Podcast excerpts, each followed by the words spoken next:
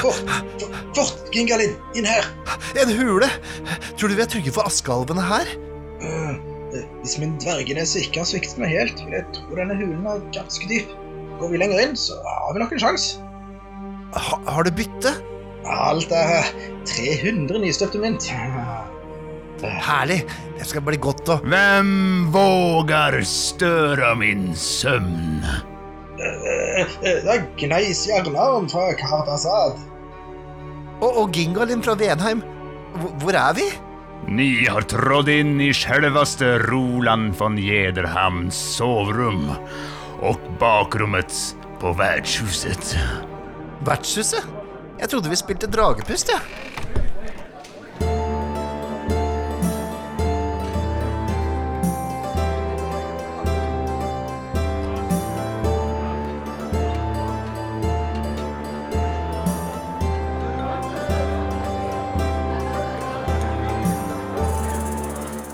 Hei og velkommen til Vertshuset. Jeg er Nikolai Krogsustrøm, og ikke bare har jeg en kjenning ved min side her som heter Mikael Stensen Sollien. Men vi har også med oss vår medrollespillskaper. Simen Stangeland. Yeah! yeah! Det er er gutta boys her rundt bordet. jeg, jeg vet, altså Apropos til seinere, jeg vet uh, hva den funne facten til Simen kan være. Hva da? Du vet den der, det, det der du utelater fra navnet ditt nå, det er jo en ganske morsom fact. Ja, det er morsomt. Det er sant. Det må vi ta etterpå. Da er det jo oss tre her, da. Vi har jo skrevet dette rollespillet som heter Dragepust, som nå er ute på Kickstarter, for de som ikke har fått med seg det. Så hvis dette er første gang du hører om det, er det bare å logge seg inn på Kickstarteren og søke på Dragepust. Så finner du masse godsaker der. altså, vi er jo Det er jo vår første kickstarter, og jeg ser jo nå at den har adresse kickstarter.com slash dragepust. Slash dragepust. Jeg er litt usikker på om det går an å gjøre noe med det, men nå er det liksom gjort. Så hvis dere skal finne kickstarteren via vanlig URL, så er det løsningen. Den har holdt på siden 15. november, og har jo til nå samla inn 100 og, nesten 104 000 kroner! Det er jo helt Det er så, dust, det er så dustepenger, det. Det er, det er bare sånn Det blir sånn derre Ja, ja. Og når, ikke... når kickstarteren startet, så var det snakk om kanskje vi skal prøve oss for 50 000. Ja, ikke sant. Og hvor fort, det ganske... gikk, det, hvor fort gikk det, Mikael? Det gikk, det gikk jo Altså, jeg husker ikke jeg, Det var en veldig rar dag for meg. Jeg, satt, jeg var jo på jobb, men heldigvis hadde jeg en datamaskin i nærheten, så jeg kunne følge med på galskapen. men 50 000 nådde vi under under tolv timer, da. Så rundt klokka sju på kvelden så, mm. så nådde vi grunnemålet vårt, da. Og det var jo det som stressa oss mest, så klart. Um, det å bare liksom få boka ut er jo på en måte det vi først og fremst var ute etter. Um, så nå er vi litt sånn på bonusrunden. Ja, for, for, de som ikke har fått det med seg, så har vi skrevet et rollespill som heter Dragepust. ja, du skal kanskje ta, skal kanskje ta det derfra først. Ja, ok, vi kan begynne. Jeg håper jo at uh, folk har hørt på tidligere episoder og fått uh, litt nyss om dette, da. Uh, men det, stemmer altså, et fantasirollespill. Vi kan jo ta det litt tilbake til hvor det begynte.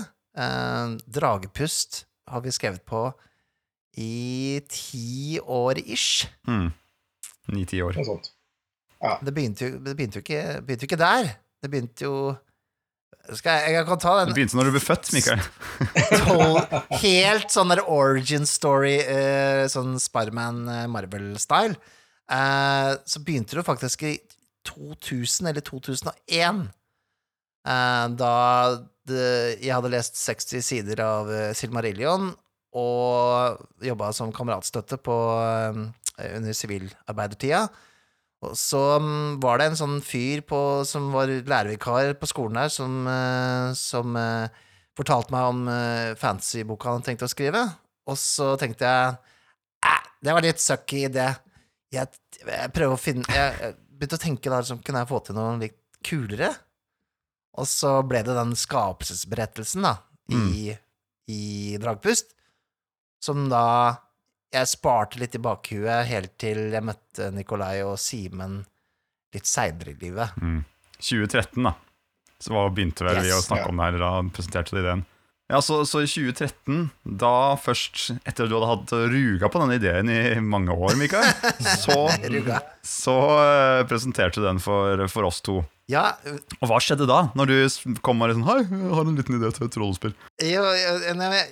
Simen her eh, litt tidligere her eh, prøvde å minne meg på at jeg hadde invitert til et møte. Det husker jeg ikke. Ja, tatt. møter, møter, rollespill, session. Det går egentlig litt for det samme. Var, litt, var det businessmøte? Jeg husker ikke helt. Nei, Men uh, vi spilte jo jeg tror det var sånn Hei, gutter, skal vi møtes og henge ut og snakke litt spill, eller noe sånt, kanskje? Mm. Ja, ikke sant? Jeg hadde sikkert en baktanke, fordi jeg følte at dere var uh, gode makkere. Men jeg husker, jeg, jeg husker du, du kom, kom bort til deg på besøk, og du var bare sånn Du, jeg har litt sånn idé til spill, kunne vært litt kult å utvikle, og bare la fram grunndetaljene i systemet, eller bare sånn Hadde det vært noe kult å følge med på dette? Og i løpet av et par uker så hadde jo Nikolai her hostet opp eh, halve verdenshistorien og kart og det hele. Ja, for det var liksom eh, På et tidspunkt her så gikk det nesten for fort, så jeg ble sånn Ja. Å, gutta! Det kommer så mye greier! Uh, men det var jævlig gøy å se da hvordan dere bare tok liksom det der lille spira jeg hadde, og så bare blæsta på. Ja, for du gikk på en måte på en slags fjelltur og sparka en liten stein utfor kanten, og så starta du et eh, fucking steinras. Det, det, det gjorde det. Det, var det. Se for meg den Donald-episoden hvor han liksom uh, ruller en bitte liten Nei, den tåren som blir til en snøball. Ja. Som eh, Ja. Mm. Ah. ja det var emo-greie. Men ja, det, det, det starta jo sånn. Og, og, og det var jo en litt sånn Det var et veldig sånn gledesprosjekt. Eh, og det er jo fortsatt det, da. Ikke det? Men Ja, det er veldig sånn Kommer veldig av um, en kjærlighet for å skrive og lage, Mm. Som jeg syns har har vært veldig fint. Vi har vært veldig Det er vel, veldig sjelden vi har liksom kommet i tottene på hverandre på grunn av kreative valg. Um, det har vært liksom det vært mye, det var et overflødighetshorn av et spill, da. det er sant. Jeg tenkte vi kan jo fortelle litt om Dragepusts verden, da, for, for de som ikke vet så mye om det. Uh, For Vi har ikke fortalt så mye om selve verdenen, annet enn til de vi har spilt med på, um, på con-spillinger og sånt. For da, den, den grunnideen, Mikael, det kan du jo begynne med det. Den som du kom med for, for nå snart ti år siden. ja, nei, det, det, grunnideen var jo da at eh, Eller virkeligheten, da, eh, var en gang da skapt av eh, en allfader og en allmoder. De hadde to barn, og de krangla fælt med hverandre. Og for å liksom skape litt fred med ungene sine, så lagde de da, da de, på en måte virkeligheten for dem, da. Som, eh, som er på en måte en slags eh, søyle med ulike verdener eh, under og over hverandre, som holdes eh, sammen med en eh, nål i midten, som er denne himmelnålen. Uh, som vi kanskje nevnt litt tidligere i, eh, i sammenheng med spillet. Ja, Så himmellånen er sentral på en måte, for denne verdenen. Det er en stor, kraftig energistråle uh, som skyter evig opp og evig nedover inn i verden. Eh, og som det er bygget da, uh, i på en måte nåtiden i denne fantasyverdenen, bygget en by rundt denne nålen da, for å holde den i balanse. Mm.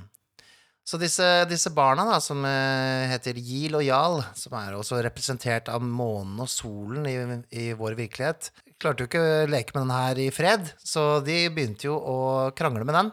Um, rista fælt i den og sånne ting, til da denne himmelnålen sprekker, da, og slipper ut eh, all skapelsesenergi, eh, og på en måte legger alle disse verdenene her egentlig i en mørketid hvor eh, da etter hvert da mennesker, dverger og alver kommer sammen for å atter få kontroll over denne, denne magien som står ut av dette, denne brønnen midt i verden, med energi, da, hvor vi da kommer oss måte til vår tid, da. Ehm, så det var, det var på en måte liksom litt den grunnideen, da. Litt, litt sånn uh, inspirert av 60 sider med Simarillion og han derre fyren på skolen som Ja. skrev en fantasyhistorie. Og så har det blitt tweaka på hit og dit liksom, eh, over årenes løp, sånn at nå er det litt sånn uh, Disse skaper Altså Yil og Jarl, solen og månen, har da skapt henholdsvis alvene og dvergene. Som igjen har skapt nye folkeslag. ikke sant? Så har det, så har det endt opp at nå er det tre alvefolkeslag og tre menneskefolkeslag og tre um, dvergefolkeslag som, som man kan spille da, i denne verden. Mm. Kan jeg også nevne det som òg er litt sentralt i- konsept i verdenen, er jo det at det er jo dragepusten. For vi, vi begynte jo òg med å tegne kart. og Kart over verden kom veldig tidlig. Og jeg husker vi så på disse her kartene med sånn Her er det en svær korrumpert skog, og her oppe er det en svær isørken. Her borte er det, det er sumper som brer seg veldig. Og jeg satt og tenkte liksom, hadde dette kartet foran meg og bare tenkte sånn Hvorfor heter spillet Dragepust, egentlig? Ja, for det Hvor var kommer det, hvor kommer det inn i bildet? Mhm. Det hadde vi ikke egentlig definert, for vi, eh, Nei. navnet er jo tatt er jo, er jo lånt, om du vil, fra Ja. måte den norske oversettelsen av altså Dungeons and Dragons fra 80-tallet. Eh, litt sånn eh, i homasj. Nei, så jeg bare Når jeg så på dette kartet, bare ble sittende og stirre på det. Hvorfor heter det Dragepust? Så så bare, okay, det er korrupsjon der, korrupsjon der. og Bare, så, Bingo! Det er det som er dragepusten! Der kom konseptet med at under jorden så ligger begravd disse mektige dragefyrstene. Fem stykker, som, har, som jeg vet om så langt, som ligger da under fjellskog, under havbunnen, og rett og slett er så mektige, så magiske, så utenomjordiske at de, hele nærværet deres korrumperer verden rundt. Og denne korrupsjonen, dragepusten, så brer seg sakte, men sikkert utover verden. Forderver dyrene, forderver alvene, alt som kommer i kontakt med den. Så spillet går litt ut på å prøve å bekjempe denne her ondskapen, denne mørket som Mm. brer seg litt over verden igjen. Det var jo noe som virkelig eh, falt på plass da, eller som eh, For jeg husker jo på et tidspunkt så var jo Dragepust var vel eh, Vi, vi kobla det til på en måte solen på et tidspunkt. Så vi, vi var innom et par, mange- eh, par ting. Ja, Det var mye rart. Altså, vi, vi klarte ikke helt å sette liksom hva, hva, er, hva er, Hvorfor heter det Drampus nå? Hva, er- greia, liksom? Uh, men eh, men, det, men eh, med en gang vi den, Det var du som kanskje kom med den, ja, og det, det var jo Da satt jo liksom Det, gikk opp et lys, da. Mm. En eureka. Det er flere sånne eureka-opplevelser vi har hatt. Ehm, men vi kan jo ta det litt på hva, hva ville vi Jeg tror veldig tidlig så var vi ute etter å lage et eh, et spill Altså selv om ideen til den verdenbeskrivelsen her kom litt fra Tolkien og uh, i utgangspunktet, så ville vi også lage et spill som ikke var eh, på en måte Hvis, hvis du skipper Tolkien, da, Ja. uh, og går rett på inspirasjonen til Tolkien istedenfor å ta med sant, orker og hobbiter og den slags, og heller tar det tilbake til Hvis det bare er inspirert fra norrøn mytologi og, og andre, andre, annen folketro, da, så hva får du da, ikke sant? For å skape et mer sånn nordisk fantasy, da, istedenfor så det, så det var jo en, en del av ideen vår Mm. eh, tidlig, tidlig ja. Og um, så var det vel også jeg, jeg husker jeg prøvde også å finne en litt sånn Hva slags vib skal vi gå for? Så jeg foreslo melankolsk fantasy. At det ligger en sånn En viss sånn Hva skal jeg si En, en, en tristesse. Eller en litt, litt mer Astrid Lindgren enn kanskje high fantasy, da. Eh, over over, eh, over spillet, da. Er fordi du spiller så mye Vampire og er så eh, emo, det vet du, Mikael. Nei, men altså, liksom Jeg vet ikke, det var, en, det var, en, det var et forsøk på å lage Altså, altså peile det inn på noe som føltes litt, uh, litt annerledes, da. Og jeg syns jo vi har uh, lykkes eh, bra med det. Um, det ligger jo litt, litt sånn, litt sånn uh, Det er jo litt trist at det, Ja. denne verden her er jo på en måte på vei mot uh, undergangen. Um, og, og, og, og det er jo en del så fine, fine Det var- detaljer. ja, det var vel grunntanken, men så klart det går an å spille det som et veldig optimistisk spill. At en, en blir Ja, ja, ja, ja, det er en blir klart du heltene som redder det, ja. verden og slår tilbake laget. Ja, Med mindre nei, ja, Mikael er spilleder, da, for da, Nei, er det sant? Mindre da er det bare å gråte Ja. hele veien.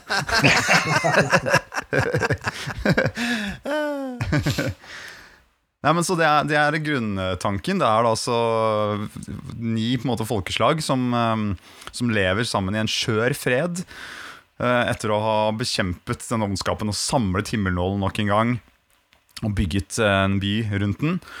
Og så truer dragepusten fortsatt eh, rundt omkring i verden og brer seg stadig mer. Og påvirker viljen til og liksom, hodet til de som befinner seg i nærheten. Da. Korrumperer de. Mm. så det, hvis spillere da og rollene deres eh, går inn i områder som er infestert av dragepusten, så vil de eh, måtte gjøre noen rull for å finne ut om de, om de blir påvirket. Mm. Det er jo eh, Skal vi ta noen eh, Skal vi gå dypere inn i noe folkeslag, eller skal vi la det være litt opp til folk som eh, leser? Det er jo litt sånn eh, Alvene er jo litt spesielle i denne verden her, for eksempel. Vi kan ta litt eh, noen brede penselstrøk. Ja. Altså, vi, vi har gjort alvene til veldig forbundet med, med trær. De trærne som eh, det vokser mest av i de, i de skogene der de har skapt. De, for de blir født ut av eh, på måte modertrær på et vis, som kalles drasiler. Der er jo navnet inspirert av Yggdrasil, selvfølgelig. Og de lever jo så lenge trærne lever. Eh, så de er jo litt uh, De er jo det jeg vil kalle naturelskere. Uh, de vil jo beskytte naturen for enhver pris. Um, de synges jo fram ut av disse trærne. Altså de kalles barn av sevjen. Blant annet så, så er jo alver veldig avhengig av å ha litt natur rundt seg, så de blir jo de blir jo litt deprimerte dersom de Dersom de er lenge, veldig lenge unna, unna eh, skogskledde områder. Og alvene er også litt sånn eh, Hva skal jeg si, de er vel eh, De er litt, litt mer utenomjordiske, eh, kanskje, enn man er vant til. Vi har prøvd å gjøre dem til, til litt mer, hva skal jeg si, fantasiraser, da. At de, de på en måte er Det er ikke, det er ikke mennesker med, med mm, spisse ører. Og, og blant annet av bjørkalvene, da, som, eh, som er kanskje den, eh, den som er, De som er født ut av, den, ut av den eldste trasilen i verden, de er jo da kanskje de mest eh, sære her, som Mm. eh, driver med en slags form for telepati og, og, og den slags, da. Ja, og så har du et samfunn som på en måte er, er, er mindre uh, Hva skal jeg si uh, opptatt av de klassiske familienormene, da, siden de på en måte de gjenproduserer ikke altså, Nei, ikke gjenproduserer, men de reproduserer ikke vanlig, så de har heller ikke den derre Hva skal jeg si Hvem er, hvem er mann og kvinne? Det, det er et fett. Mm. Dvergene er eh, Det vel kanskje det mest intelligente folkeslaget, eller som de som eller i hvert fall mest Mm. knack for å, for å bygge og for å lage ting, så de har jo Iallfall jerndvergene i denne verden her er jo da tekniske vidunderbarn. Som mener jo sine, sine teknologi kunne på en måte beseiret disse dragene, men eh, det vil jo tilsi at de må jevne ganske mye natur med jorden, og det passer litt dårlig med alvene, for eksempel. Da. Altså Spesielt disse jerndvergene. da er jo, Mm. er jo på en måte de, de Tankegangen deres er jo Ok, vi har denne naturen og denne verden rundt oss. Det er et kjempebra utgangspunkt for å bygge videre og gjøre det enda bedre. ikke sant? Mens Ja, ja. alvene er mer der sånn Ja, vi skal leve i takt med, naturen og bruke den til den Ja, ikke sant. Så det, Ja. Ut, utnytte naturen, eller bevare naturen. Ja, sånn. nettopp. Men eh, samtidig har du òg samtidig har du også eh, lille, lille elementet der med dvergene, at de òg er lettere å korrumpere, på en måte. For steindvergene blant annet ligger jo litt mer under for korrupsjon enn mange andre. Høydvergene har allerede mistet sitt hovedsete og de gamle eiendommene sine og er, på, er allerede merka av dragepusten. De har, de har merka det på kroppen. Mm, Så det, det er litt sånn um, Ja, hva skal jeg si De er jo en del av verdenen, de òg. Mm. Det ligger jo litt sånn Vi har jo lagt inn litt grann eh, Hva skal jeg si eh, Som du sier, skjør fred. Det er jo, det er jo litt smågnisninger mellom, mellom folkeslagene her som, som kan blusse opp litt. Grann. Ja, vi begynte vel egentlig å spille Vampire og World Darkness-spill sammen ganske fort, vi, Nikolai og Simen. Og det var klart eh, litt av den derre tanken med folkeslagene her er jo, kom jo Har jo litt sånn klaner i Vampire-tendenser over seg. Og at det liksom eh, de At det ligger latent litt i konflikter som kan blusse opp, da. Som jeg syns jo er veldig spennende, og kan by på litt politisk spill, det kan by på litt uh, dilemmaer og den slags, som Ja, kan jo Ikke, ikke, ikke for å ikke for å bæsje på noe annet, men altså det, det, det, det er liksom det, det, hjelper litt på rollespillet da, å ha litt grann eh, Hva skal jeg si Jeg savner det litt igjen hos en del spill, at det ligger litt uh, konflikter der uh, som man kan ta tak i og, og spille litt rundt, da. Så har vi menneskene, da. Menneskeslagene. Der er det tre stykker vi har skrevet om. Vi, vi kan nevne at det var fem på et punkt, men vi har skrella litt ned. Det kommer vi tilbake til. Eh, men de som er der nå, det er eh, slettefolket, havnefolket og skyfolket. Det sier seg litt selv hvor de holder til. Ja. Men det er slettefolk Slettefolket er var, ikke, var, ikke, så veldig originale med navn. Ja, det funker, det. funker, det funker. Ja, ja, ja. Men Slettefolket er det mest utbredte, da, som holder til typ, eh, i hovedstaden og i de største byene. eh, på de store slettelandskapene sentralt i denne verden. Og så har du havnefolket, som er sjøfarere. ikke sant? Og holder til langs kysten. Kystfolk. Stort sett. Skyfolket, hvor holder de til den, da? Jo da, de holder til oppe i høyden. på toppen av fjellene og tilber himmelhvelvingen og fuglene og det som er. Det er liksom litt mer sånn, eh, hva skal jeg si eh, eh, Litt mer sånn stammeaktig folk, da. De skyfolket. Blir jo naturlig det når det er såpass avgrenset oppe i, i fjellene. Mm, mm, måte. mm. Og har et litt annet tankesett og litt annen eh, religion og litt sånt enn det som de som er mye mer om, rundt hverandre nede på de store områdene i byene og sånt. da. Ja, altså er det sånn at alle, alle havnefolkinger er fra Lofoten der du spiller eh, Enten derfra eller fra Bergen. Det har vært ganske, I det siste har det vært mange bergensere. ja, jeg har vært på havet i mange år, gutten min. Ja, ikke Ja. sant? Altså, jeg har jo hver sine måte, hovedsteder. Da. Så det er jo Dønningborg som er havnefolkenes eh, hovedsete. Og denne slettefolket er jo da ved denne byen som, eh, hvor himmelnålen står ute, som heter Nurn al-Kham. Og eh, hva var, hva var hovedstaden til, eh, til skyfolket igjen? Det er Alunna er det. ja, Aluna. Aluna er det, ja. ja der ser du. Det her er, kommer jo til litt sånn, et par spørsmål som vi skal ha her seinere, som er litt spennende. Så ja, så du, du, har, du har en ganske uh, eh, kompleks verden, da. Eller kompleks og kompleks, men iallfall detaljert Mm. eh, nok til å på en måte, lese seg opp og, og, og bli inspirert av, men vi håper jo også at det er plass da, til å skape egne ting. Kartet er jo ikke fylt opp med greier, så det går an å eh, skape selv og finne på egne byer. Gå utenfor kartet. Mm. Systemet legger jo også veldig mye opp til at en kan lage sine egne motstandere, monstre, egne folkeslag. Mm. Alt sammen. Det er ganske åpent mix and match. Skal vi, det, det er jo egentlig en fin bro over til å, å snakke litt om systemet. da Ja. For de som er interessert i det. Hvordan, hvordan funker dette her? da? Hvordan, hvordan spiller man dette spillet her? da? Ja! Eh, Det begynte hele i 2001. Nei, nei, det, Begynte Nei, da men Mikael, plukket opp to terninger. ja, nei, jeg, jeg vet ikke helt hva det begynte med, men jeg tror Det begynte jo med, Nikolai, at eh, vi hadde lyst til å lage et spill som du kunne spillede.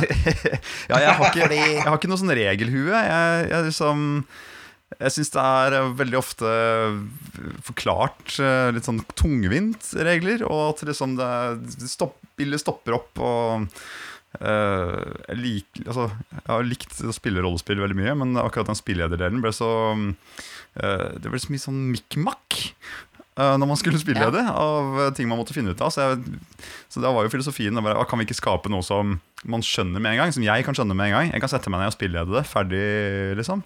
Selv om vi ikke har et regelhue. Ja, Så det var filosofien. Det burde bare egentlig kalles Nikolai-testen, for vi, for vi um, eh, lagde jo Eller jeg kom på Jeg hadde den ideen eh, om egenskapstabellen som vi har på rollearket vårt, den sier jo deg eh, hvilket tall du skal rulle. Dersom du sier Gi meg et veldig lett kast, så ser jeg det på kartet mitt Nei, på, på arket mitt at det er tre, for eksempel, Mm. eller fire, da.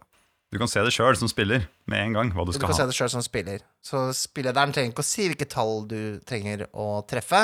Trenger egentlig bare å vite om Og da har vi også koda disse, disse vanskelighetsgradene til å være sånne ting som er Altså, vi kunne ikke ha hatt noe sånt som eh, andre ord for det, for det er veldig lett, lett, vanlig, eh, vanskelig, veldig vanskelig.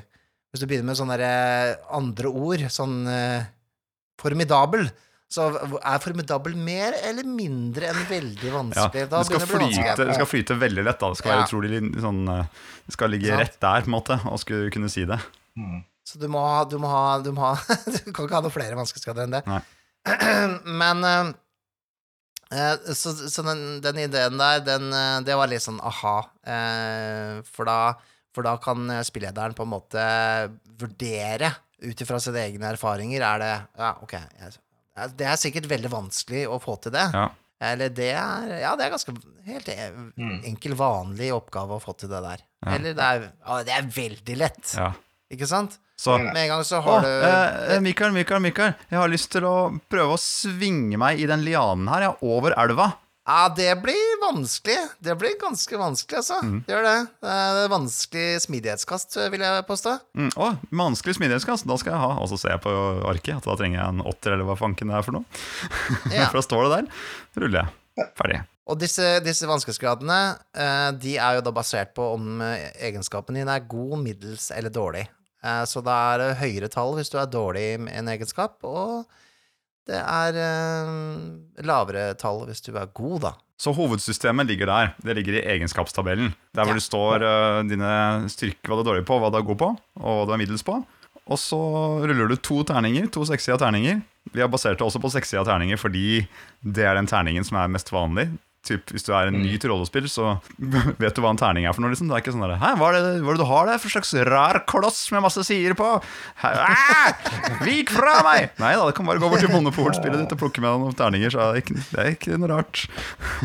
Det er jo, det er også, det er jo et eller annet som er veldig sånn um, tilfredsstillende med å kaste to sekser også. Uh, jeg vet ikke hva det er, men, eh, men det er jo ikke, ikke bare det. Det er, det, er bare, det er et eller annet med den eh, 2D6-systemer som er litt nice. Um, og det at vi bare bruker to terninger kan, altså Spillederen kan ha bruk for tre terninger i enkelte tilfeller, men det, det er vel det eneste. Det, det var jo på plass ganske fort, det grunnsystemet der. Mm. Men fy fader, så mye ræl vi har vært gjennom Ja. på veien. Mye tweaking der, altså. Ja, ja, tilpassing og er ett poeng fra eller til, og ett poeng hit og dit, og ja, men skal vi skrive Ja. sammen opp på taksten? Ja. Vi sprengte jo skalaen på et punkt også, sånn at det kunne være flere nivåer du gikk over skalaen, som også var putta inn i skjemaet på rollearket. Rotete og Ja. fælt. Det skal sies at en god del av disse, disse mm, Hva skal jeg si eh, Tingene som har løst en del i spillet, har kommet underveis. Som for eksempel Mye av grunnen til at den skalaen ble sprengt hvis, eh, for, Jeg beklager hvis folk som hører på nå, blir litt sånn forvirra. Men før så fungerte ferdighetene med at man fikk plusser på kastet sitt. Men da sprenger man denne skalaen, ikke sant. Da går man forbi 12, da, for eksempel. Mm. Man plutselig får 14 på kast, og så må man ha en vanskelighetsgrad høyere, ikke sant. Det blir bare kaos. Men da ideene slo meg at shit, ferdigheter gir deg bare omkast på terninger. Boom! Altså Hvis du bruker en ferdighet, det betyr at du har en del ting du er god på, f.eks. Jeg er kjempegod på akrobatikk. Ja. Så betyr det at eh, hei, jeg skal prøve å løpe opp den veggen der og ta tak i det karmen på det vinduet. Da ruller jeg terning. Å, jeg fikk det ikke til. Men hei, du, du jeg bruker jo akrobatikk. Det er en eh, ferdighet jeg har. Kult. Da kan du ta og rulle den ene terningen om igjen. Se om du får det til da. Oi, enda mer spennende. ikke sant? Det ble et omrull. Det syns jeg fungerte ganske bra i spill. Det ble mer morsomt enn å, å regne ut og legge til den ene plussen, eller to. Skal jo ikke akkurat uh, kimse av at det har jo vært en tanke å ikke lage DOD. Altså ikke lage et spill som på en måte blir veldig bloated, eller altså Mm. som vokser seg ut av sømmene, på en måte, jo flinkere man blir, eller hvor lenger man spiller det. Så hele tanken er jo på en måte å holde det innenfor Altså, det, det minner mer om uh, Powered by the Apocalypse-spillene på den måten, da. At det på en måte ikke mm, Det skal liksom vokse seg ut eh, og bli uhåndterlig. Det, da hadde det jo på en måte blitt et vanskelig spill for deg å spille det også, Nikolai, hvis det hadde vært veldig masse tall. Yes. Um, så isteden- istedenfor så på en måte um, uh, har vi en litt sånn fiks metode uh, å løse det på. Og uh, det var Thea her, var det det? Hvem var det som har spurt om den killer-rappen? Det Ja, det kommer jo Det kommer vi til. Kommer vi til. vi kommer til det. Ok, kommer til det. ja, vi kommer til killer-rappene. Ja. Men okay, vi kan, ta, vi kan si at det er på en måte det, det vi trenger å si om systemet inntil videre, da. Mm. Um, vi har jo Vi kan jo nevne det at vi har også noe som heter viljepoeng, eller vilje, som gjør at du Som er et sett med poeng du kan bruke for å senke vanskelighetsgraden. Uh, for eksempel fra vanskelig til vanlig, da. Mm. Um, hvis du sier fra før du kaster. Men det er begrensa med det, og det er ikke alltid du får lov til å bruke det. Du får ikke bruke det for eksempel hvis det er noen ting du ikke eh, rår over. Altså, du kan ikke bruke vilje på å oppdage noe du ikke ser etter, for eksempel. Ja, så bør det nevnes at hvis en går tom for vilje, så kan det bli veldig negativt, hvis en blir utsatt for dagepust, f.eks. Ikke sant? Da er du sårbar er for du eh, påvirkningen. Mm. Så det har en liten, eh, liten sånn balanse der òg. At eh, hmm, begrenset ressurs, men eh, ja, har litt lyst til å bruke den. Skal litt på annen, skal du ikke? Hmm. Spenning. Ja. Mm. Akt deg for vergen. Ja. ja. Men eh, ja, ok, greit. Vi, vi, vi, altså, vi kan jo bable videre og forvirre folk mer, så klart. Men uh, vi kan jo ta noen av disse sier de at En bør ikke spørre rollespillere om karakteren deres. Du bør i hvert fall ikke spørre dem for mye om systemet. Nei! uh, men vi kan uh, ta noen uh... Mikael, Hei, er det deg? ja? Mm. hvem er det du har med deg? Jeg har med meg Simen. Han har så veldig Simen- fin dialekt. Ja, Hallo. Ja, Hallo. Hei, Han har det. Takk for det. Ja, jeg hører vi fra samme sted. vi er det. Vi er fra samme sted. Jerusalem. Norges Jerusalem. Veldig sant. Verdens navle, Norges midtpunkt. Fantastiske. Så god du er til å, velge deg venner, Mikael. Ja, ja det, det, det er viktig å ha, ha en eh, venn i hver by, og, og, og Simen er eh, min uh, Sandnes-venn. Sant. Jeg har med noe til dere. Så fint. Jeg har en hel pose med papyrus. Å, så fint. Oi, se her, ja. Det er spørsmål fra eh, backere og patrons. Ja, det er masse saker. Men vil du ikke høre meg synge sangen min? Jeg har øvd i to uker. Ok. Kjør på. Er du klar, Simen? Ja da. jeg er med deg da. Nå kommer han!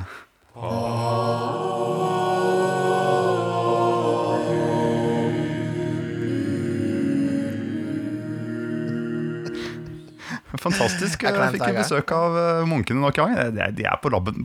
De- Her er de skrevet. Her er de transkribert så det står etter. Masse spørsmål. Fra kickstarter-backere, ja. Og nå er det noen patrons her også. Det, det går vel litt i ett her. ja. Skal vi se. Skal vi, skal vi ta den øverste her? Ja. Ja, takk. Fra Thea Vik. Hva har vært det vanskeligste med å designe et rollespill? Svar gjerne individuelt, hvis hver av skaperne har ulike svar. Å ja. Skal jeg hvem vil, hvem vil begynne? Begynn du, Mikael. Jeg kan, eh, jeg kan si det sånn Det, det som har vært vanskelig for meg, har jo vært eh, litt det der å på en måte få, få liksom kontroll i hodet. Altså, når, når et spill vokser seg frem, så Når vi nå liksom begynte å komme over 200 sider og sånn, med verden og system og alt sammen, ikke sant?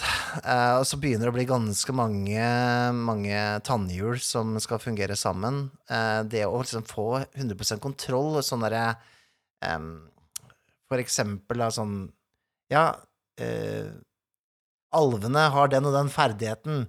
Er det balansert med det og det, og er det, er det liksom Veie ting opp og ned? um, alt mulig sånne ting. Og så spesielt hvis det er unna spillet en stund.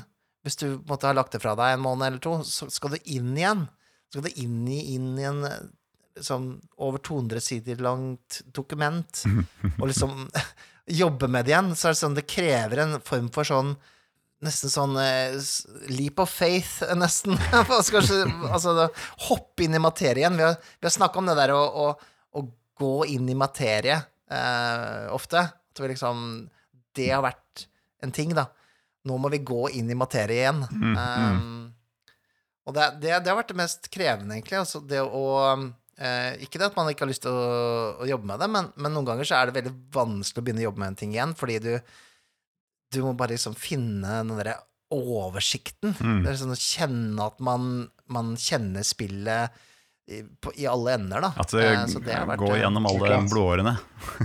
Ja da. ja, det, det, det har vært vanskelig. eh, og, og krevende. For man, man eh, Jeg vet ikke, jeg er jo litt Jeg er kanskje litt kontrollfrik når det kommer til stykket. Eller jeg liker å, å, å, å måtte få skjønne alt og eh, ha oversikt. Men det, er, det blir nesten umulig når du har et stort spill, altså. Så, så må man bare, bare satse på at, eh, på at det, det går. Beste Så- måten å få se om man har kontroll, er å gi det ut, og så får alle lese det, og så bare Å ja, det er jo skrevet sånn her, ja. Men det stemmer ikke. Ah, nei! Nei, nei men, det, men det har jo vært en, det har jo vært en læringsprosess, det òg. Altså, jeg mener eh, Vi har jo på en måte lært oss å skrive gjennom det spillet her òg. Det har jo skrevet på det i ti år. Da jeg skrev uh, rollespillting på internett i 2004, så ser jeg at det var orddelingsfeil og mye rart, og skrev som en kråke, hvis det er et uttrykk. Eh, men, men har jo blitt eksepsjonelt mye flinkere til å skrive og eh, med åra, da. Mens vi har holdt på med dette her. Så det er jo, det er jo Man lærer seg prosessen, da, Ja. etter hvert. Hva med deg, Simen? Hva har vært eh, vanskeligste? Oh, jeg tror det var litt som du sier, det å sy det sammen. Spesielt i starten, så alle sammen hadde veldig mange ideer og pøsa på meg. Ja, men her er en kjempegod idé. Ja, vi kommer på en liste med ferdigheter. Bare, alle sammen bare skriv. Kast igjen alt de kommer på. Skriv masse. Jeg, jeg har en kjempegod idé om dvergene. Skriver et lite kapittel om dverger. Og så kommer jeg ja, jeg har en kjempegod idé til dette folkeslaget. Og så og, um, jeg har en god idé om å skrive et intro til magikapitlet. Så skriver noen andre litt mer om selve magien. Og så, og så endte det opp med et lappeteppe som egentlig ikke hang sammen. Og Mm. fem, Nei. fem, 50 løse dokumenter som ikke snakket sammen. Ja, vi, vi gjorde jo vi, Ja. vi gjorde litt forskjellige ting. Vi begynte vel i Ja. Google Docs, gikk over til Scrivener, Ja, ja. og endte opp med å skrive rett i InDesign. Mm. ja, ja. Altså, det er rett og slett gå gjennom dette her og skrive det om og prøve å få det som er skrevet i det ene dokumentet, henger sammen med det andre dokumentet, og redigere og kutte ut ting. og ja, Når vi først samla dette her i ett dokument, så endte vi opp med sånn 500 sid- 500-600 sider. Okay. Som så var begynt å redigere ned og kutte ut. Da er det bare å finne fram sabelen og begynne å hogge. Ja, ja, ja. Ja. Og spe ja, spesielt eh, magisystemet var jo et eh, lappeteppe ikke ligna grisen. Mm. Ikke hang sammen med noen ting i resten av verden. Ikke sant? Og mange måter, eh, mange ideer som eh, er slengt ut. Så måtte vi liksom gå for noe, bestemme oss for noe på mange områder etter hvert. Ja da. For- Og noen måtte bare, noen måtte bare, noen måtte bare, noen måtte bare ta affære og si at ja, jeg tar ansvar for å redigere dette. Ikke sant? Så, uh, Det har jo du vært jævlig flink på, Simen. Altså for det første, en litt sånn ja, eh, arkivartype. som, eh, som, eh, som på en måte liker å sette ting i system og, og, og lage eh, skal, orden på ting, da, mens mitraljøsa Nikolai bare sp- spytter ut materiale, og, og jeg er bare frustrert over kaoset. Så er det jo liksom fint at vi har hver vår liksom styrke her. er Um, det skal sies også at vi, vi er jo våre største kritikere selv, og, og det at liksom eh, Spesielt når du jobber så lenge med et spill, så begynner man å, å vurdere ting eh, etter hvert, og, og se liksom eh, Hvorfor funker ikke dette? Og det har jo hjulpet, da. At vi liksom ikke har eh, skrevet spillet liksom på eh, et par måneder og kasta det ut døra. Det har jo vært en ting som virkelig har vært en prosess, og Em, nå føles som det har på en måte en sammenheng, og det, det har eh, Alle elementene har en plass i denne verden vi har skapt. Det føles som det er en Det er naturlig, da, hvordan det henger sammen. For min del så kan jeg kan jo ta det litt, eh, en litt kort For det er jo mange, det er mange ting som er vanskelig og utfordrende, og sånt nå, men jeg tror det, det som liksom virkelig har vært det pointet som jeg har slitt mest med og vært mest runde på, det er eh, rollearket. Å få det til å funke. Altså det skal se stilig ut. Det skal se ut som et rolleark. Man må liksom kunne se det og skjønne dette er et rolleark. Det skal ha alle funksjonene til spillet inni seg, og det skal liksom Det skal være lett, ikke sant. Det, det, er bare Det har vært gjennom så mange runder, prosesser, testing. Det, en, det var en, eh, en hel kveld og det var en lang kveld til langt på natt. Så jeg satt og liksom bare designa og prøvde å lage border, prøvde å lage små linjer for å få ting til å skilles og sånt nå, og endte etter den kvelden bare med Nei, det, er, det ser fortsatt bare ut som ræl! Helvete! Det morsomme, morsomme er jo at du er jo en sånn fyr som bare Du gjør sånne ting, og så, og så, og så viser du meg det, og så er det sånn Du, du venter jo egentlig bare på at jeg skal si Yes! Dette var uh, shit. Men du, etter hvert så, så Jeg er jo Jeg klarer jo ikke Jeg, jeg sier jo hva jeg mener, ja. så, så jeg, klart det er ikke alltid like greit. Ja, men det er Det er sånn det må være, da. Skal vi få, få til det vi skal Ja. eh, det, vi, det vi vil til slutt, liksom. Så man må jo bare si Man må jo bare prøve seg òg, ikke sant. Slenge seg utpå, selv om kanskje jeg liksom ah, Fanken, jeg har jobba lenge med det her, nå må, liksom, nå må vi se på det sammen, liksom. Så håper man jo litt på at Ja. Å, fy søren, dette er rått. Og så er det jo ikke rått, dette. Det er ikke rått. Da, har- vi jo en ganske fin liten eh, overgang til uh, lille papiret som er med um, Skal vi se, var det ikke om 'Kill Your Darlings'? Ja. Your darlings, ja. Ka- Carl Otto har skrevet flere spørsmål, han har skrevet tre spørsmål, og ett av de er Det heter seg Kill your darlings. Hvem eller hva tok dere livet av? Å, det er så mye. Det er, det, det er, en, det er så mye, det. Hal, hal, halve verdenen. Ja, ja, det er jo det. Jeg vil si det som for mest og tyngst å gi opp, det var djupfolk. Det ene folkeslaget vi hadde med. Mm. Vi hadde som sagt fem folkeslag i utgangspunktet. eh, og skyfolket var med ganske lenge, helt fra starten. At de bor oppe på fjelltopper til til eh, fuglene osv. Så, videre. så jeg ville ha en motvekt. Et folkeslag som bor Mm. under bakken, har blikket nedover, graver seg ned og eh, holder seg for seg sjøl. Er lyssky. Men eh, ja, etter Det var omtrent i fjor bare at de røyk ut. Ja. At de tilfører ikke verden noen ting. Så de ble smelta sammen med steindreger. Men den, den, den, satt litt langt inne for meg, altså. Ja. det. Ja. Det var fin, det var fin gjeng, det Det der. gjorde, de, de Det gjorde egentlig det litt for alle, at det var liksom eh, Litt tanken her ikke sant, man har eh, Altså, folkeslagene har et visst sånn system, ikke sant. Du har skyfolket, du har djupfolket, du har havnefolket, du har slettefolket. Altså, det har en viss sånn Vi skal balanse litt sånn i, i, i hvordan, hva de heter, og hva Mm. de gjør. Men som sagt, det var en sånn det måtte, De måtte ofres, Ja. liksom, for det, ja, det, det ble bare for det første så klarte vi egentlig ikke helt å bli helt 100 inspirert eh, nok av dem, føler jeg, Mm. Em, til å skrive dem ordentlig ut. Og um, så var det jo også litt hele poenget med at hvis de er liksom graver under bakken, så ser jeg ikke helt store liksom, grunnen til at de skal komme opp. Nei, det var noe med det. Isol, litt isolert. Det var noe med det òg. Altså, de ble liksom litt for isolerte. Altså, skyfolket kan se for meg er mer Mm. vandrerslag, da, som de allerede er på overflaten, men dypfolket er liksom mest Ja. interessert i å grave ned. Ja. Eh, så da ble det litt sånn Ja, nei, de Det må gå. Det var, det var For- for like.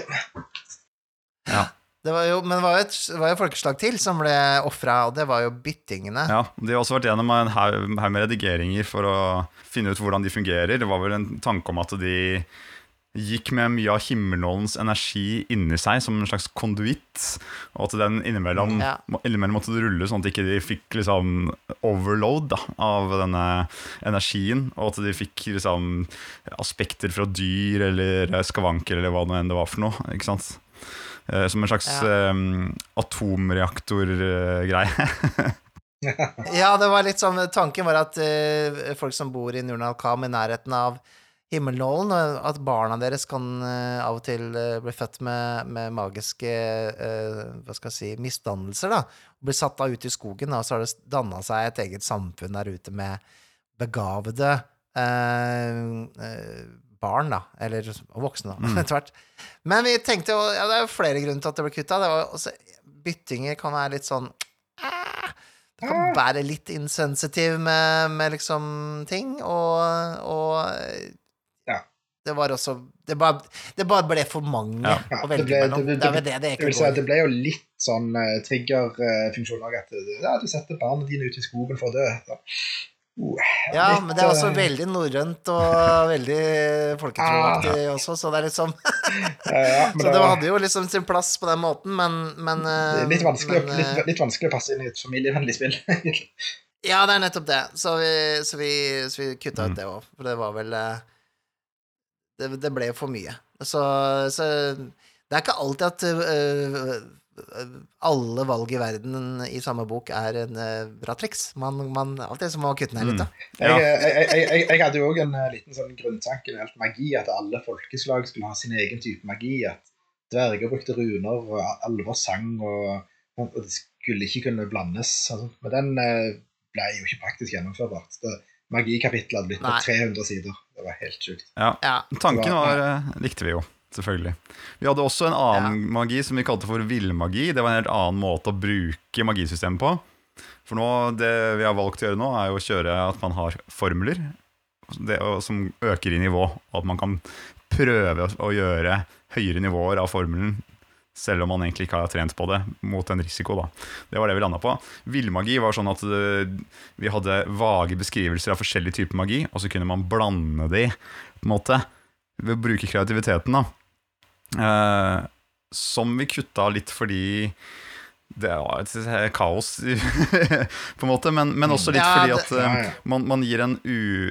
Det blir en veldig sånn ubalanse i forhold til Hvis du bare er veldig kreativ type, så kan du på en måte misbruke det litt, da. Måten det er skrevet på. Mens en som ikke er det, eh, på det kreativ på den måten, da, vil eh, eh, på en måte ikke få noe ut av det. Så da var det sånn, det, det fungerte bedre og var mer strømlinjeformet å bruke en formelmagi, da. Det var vel litt inspirert av Mage The Ascension litt grann der, men altså, da, da, blir- da blir det ikke nybegynnervennlig igjen, da. Da blir det jo komplekst, ikke sant, så, vi, så vi, vi må hele tiden trå den derre balansegangen mellom Det skal ha litt dybde, men det skal ikke være overveldende uh, å gjøre ting, da. Så, så da ble villmagi kutta. Det er jo greit. Det, vi, vi, vi ble aldri helt ferdig med det Nei. uansett, så det var Det ikke sto så i boka farlig. en god stund, men det er deilig å få det vekk. Ja. Vi, hadde jo også en, en crit-greie, da, med at eh, hvis du ruller to seksere Det er som også nå er fjernet, men hvis du ruller to seksere, så, var det noe, så kunne du få noe som het teknikker. At da, da gjorde du noe på en så spesiell måte at du kunne skrive opp hva du gjorde for noe, og så ble, fikk du en bonus eller noe sånt noe på det neste gang du skulle prøve deg på noe, og brukte samme teknikken. Ikke sant? Ah, du gjorde det på akkurat den måten. Du danset unna pilene med, på den måten du gjorde på Slottet den gangen. Ikke sant? Da, får du, da blir det lettere for deg. Men det kompliserte det for mye, det òg. Vi, vi får på en måte mye ut eh, den samme greia fra bragder, at man har gjort en stordåd og blir sterkere. Så vi tok den vekk også. Ja. Jeg husker også vi hadde en sånn posisjonsregel også, så at du stjal rett og slett fra Da hadde The spilt One Ring, at ja, du kunne stå. Det ikke sant, det starta litt der, og at du kunne stå foran, bak eller i midten av kampen, og eh, det ga deg bonuser eller eh, straffer, da. Avhengig av det, men det er jo litt sånn, ikke sant Eh, Bare forkludrer eh, og greiene og blir for komplisert. Mm. Um, så det er liksom der å finne Det har vi jobba med hele veien. Da, sånn, er, bidrar det her egentlig til noe? Trenger man det her? Og det er jo litt sånn hvis du, hvis du skriver et rollespill som ikke nødvendigvis um, Vi svarer på en måte ikke til noe annet system. Det er ikke en variant av uh, det 20-systemet, eller det er ikke en variant av egentlig noe annet enn vårt eget system, så, så er det sånn derre Kan man begynne å stille seg spørsmål som for eksempel Trenger man egentlig Mm. Trenger man egentlig et sånn encumbrance-system i alle rollespill? Mm. Er det Eller trenger man Trenger man disse tingene for at det skal Mm. fungere? Er det er liksom Mm, Det, er, så, så, så Mm. Det er veldig, veldig interessant, da. Det er jo litt fordelen med å ha vært tre stykker òg. For det har alltid vært noen som kommer og spør det der, ja, men gjør det noe? Hva, hvordan skal jeg bruke dette? Hva, kan ikke bidra det? Mm. Gjør dette spillet mer gøy? Og i spilltesting så bare Jeg skjønner egentlig ikke hvordan det funker. Eller, på en måte, Ja. ikke sant? Ja. Hvorfor Ja. har vi det da? Mm. Så vi har, jo, vi har jo endt opp med å ha for eksempel som når det gjelder eh, altså, altså hvis det bærer for mye, så kan du få en tilstand som heter overlesset. Og det ene er litt sånn wavy, at liksom, hvis du går og bærer på en svær kiste ut av, ut av, ut av en hule, da er du jo overlesset. Man skjønner jo det. Mm. Uh, men det er liksom Det er så teknisk vi går inn på akkurat det der. Det, det trenger ikke å være en på en måte sånn derre Jeg kan bære 20 kilo. Uh, og så må jeg regne på hva hver enkelt gjenstand uh, veier, da. For det er ikke et sånn spill, da. Nei. Um, så det er, det er sånne vurderinger vi har tatt hele veien. Og jeg tror kanskje en av de tingene som er gøy for spilldesignere, er jo å tenke ut kule, fancy systemer. Men eh, det er disse systemene som er enkle, men gjør mye. Litt sånne eureka-opplevelser som vi har fått underveis. Sånn som for eksempel det at man istedenfor å legge på en pluss eller minus på terningkastet med en ferdighet, da, eh, at du ruller om igjen en terning, det er en litt sånn ah! Deiser ned i huet og løser liksom et stort balanseproblem i spillet, ikke sant, på en enkel jævla måte som, som alle bare forstår. Det, det er sånne type ting da, som er eh, Hva skal jeg si Det det er gøy med design Mm. rollespillet. Mm. Ja. Vi kan ta, vi kan ta noen eh, Vi har en eh, Ja, det var to spørsmål til fra Karl Otto her. da Skal vi se, Når kommer den fysiske boken ut? Og si litt om opplegget for Dragefyrstene. Uh, jeg vet at jeg, jeg må, Du må aldri spørre Mikael om uh, han kan si noe om opplegget for Dragefyrstene, for da begynner han, Dette. og bare, og jeg er sånn der Nei, nei, må ikke love for mye da, Mikael! Ah! sånn ble jeg da. Vi, vi kan si altså boka, boka vil jo komme ut sånn til normalt salg i på høsten eller seinsommeren er vel det vi eh, har satt oss fore, men at eh, vi håper å få sendt ut uh, alt det fysiske uh, i april. Det er klart, sånne ting kan jo forandre seg hvis plutselig det blir stopp i shipping eller et eller annet skjer. Sånn, det må man jo bare være litt sånn Bank i bordet. Ja. Insert 1000 forbehold, og så er det svaret. ja, det, er, det, er det, vi, det er det vi prøver på. Altså, boka skal sendes av gårde i februar eh, til trykkeriet. Og de er jo snakket med allerede, så det er jo sånn Vi har jo gjort avtaler og sånn. Eh, men det er klart, eh, ting kan jo skje. Og planen er å få PDF ut til folket forhåpentligvis i januar, men det kan også bli så seint som februar, hvis vi føler at vi må liksom pusse litt ekstra på det. Men jeg tenker jo også at altså dere får PDF-en eh, tidligere enn seinere, med tanke på at hvis folk ser noe skrivefeil, eller ser noe riv ruskende galt, så er det like greit å ha 100 øyne på det. Mm, ikke sant? Um, Så Men vi gjør ikke en sånn uh, Onyx Path-greie hvor at eh, vi eh, får dere til å gjøre korrekturen for oss. Det, det blir ikke sånn. Vi kan ta en liten quickfire her fra Anders. Fra en newbie. Hvilke rollespill er Dragepust inspirert av? Uh, og hva har dere vært mest uenige om i prosessen? Du kan ta først, eh, Mikael, litt på du som har vært systemets uh, store uh, beskytter. Hvilke rollespill, Ja. hvis du skal nevne noen, er Dragepust inspirert av? Det er inspirert av Savage Worlds. Hele det greiene med at fiender har et antall sår, og det at eh, spillederen ruller for å se om den får et sår eller blir skrammet, er jo hentet fra Savage Worlds. Det er en måte å gjøre det enkelt for spillederen, og ikke holde rede på massevis av hitpoints, eh, og heller på en måte eh, kjøre et narrativ beskrivelse og hvor, hvor da antall sår en fiende tåler, handler mer om hvor dramatisk den fienden skal være i en kamp. Mm. Um, så det henta fra Savage Worlds, mye av liksom den tankegangen, de litt sånn kjappe greiene der. Uh, The One Ring var vel inspirert Var mye av inspirasjonen mm. til å begynne med. Men jeg kan ikke se noe The One Ring igjen i spillet lenger, nesten. Eh, så det, er jo, det har forandra seg mye. De, de bruker jo um, De bruker håp i The One Ring, og vi bruker uh, en viljemekanikk her. Ja, ikke sant. Det- Ja, så det har det, det noen Jeg tenker at viljesystemet er jo litt inspirert av World of Darkness, uh, Vampire. eh, Ja. Du, Ja, ja. Du, du, gjør- du gjør det lettere for deg sjøl ved å bruke viljestyrke. Så det, det, er flere, det er på en måte flere steder som bruker den. Det er noe World of Darkness siden der også, så klart. Det er jo det. det du får jo ikke det ut av meg. Så um, Og uh, egentlig så har det jo uh, Mørk Borg og, også vært en inspirasjonskilde, fordi selv om vi har jo hatt en sånn player-facing-greie hele veien, egentlig Eller hadde vi Husker, du den, husker dere det? Om, om spillederen rulla for angrep og sånn tidligere? Ja, jeg tror det var noe snakk om det, men det var veldig enkelt. Eller begynte vi med at det bare var spillerne som uh, forsvarer seg? Det, Spillederen hadde noen kast helt i starten. men Det er jo vi Ja. gikk veldig kjapt vekk fra det. Vi gikk veldig fort bort ifra det. At det bare var eh, spillerne som kaster for å forsvare seg, istedenfor at spillederen kaster for angrep og sånne ting. Uh, og at spillederen egentlig kaster veldig lite, da.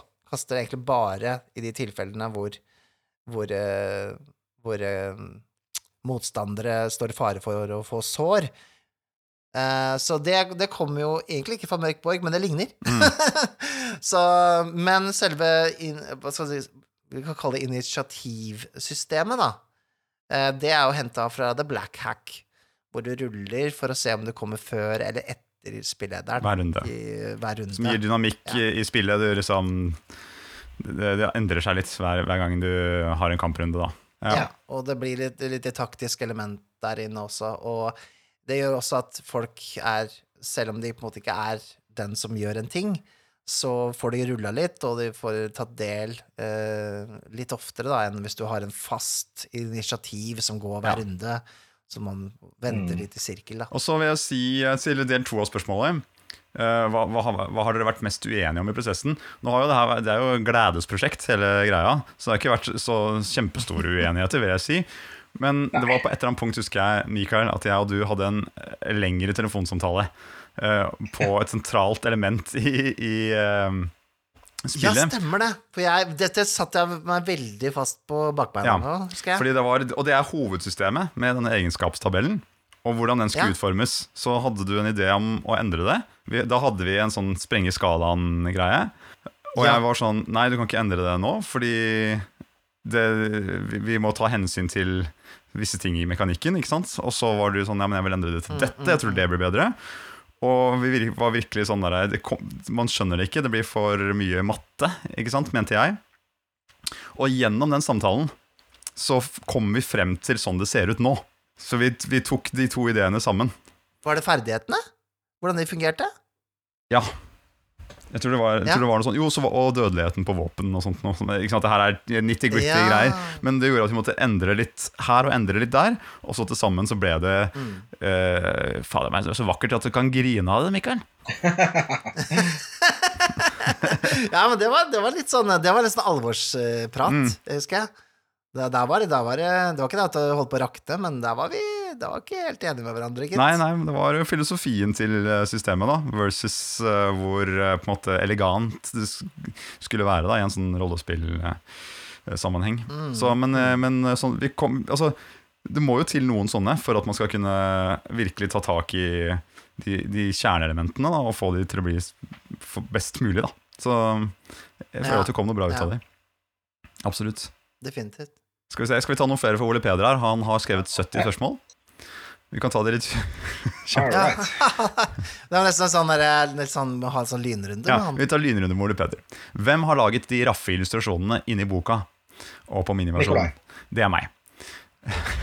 Hva er hemmeligheten til å bli så rå, folkens? Hva er det? Eh, Eh, nei, altså, du har jo det, det er best at du svarer på. Belly shots, tequila Nei.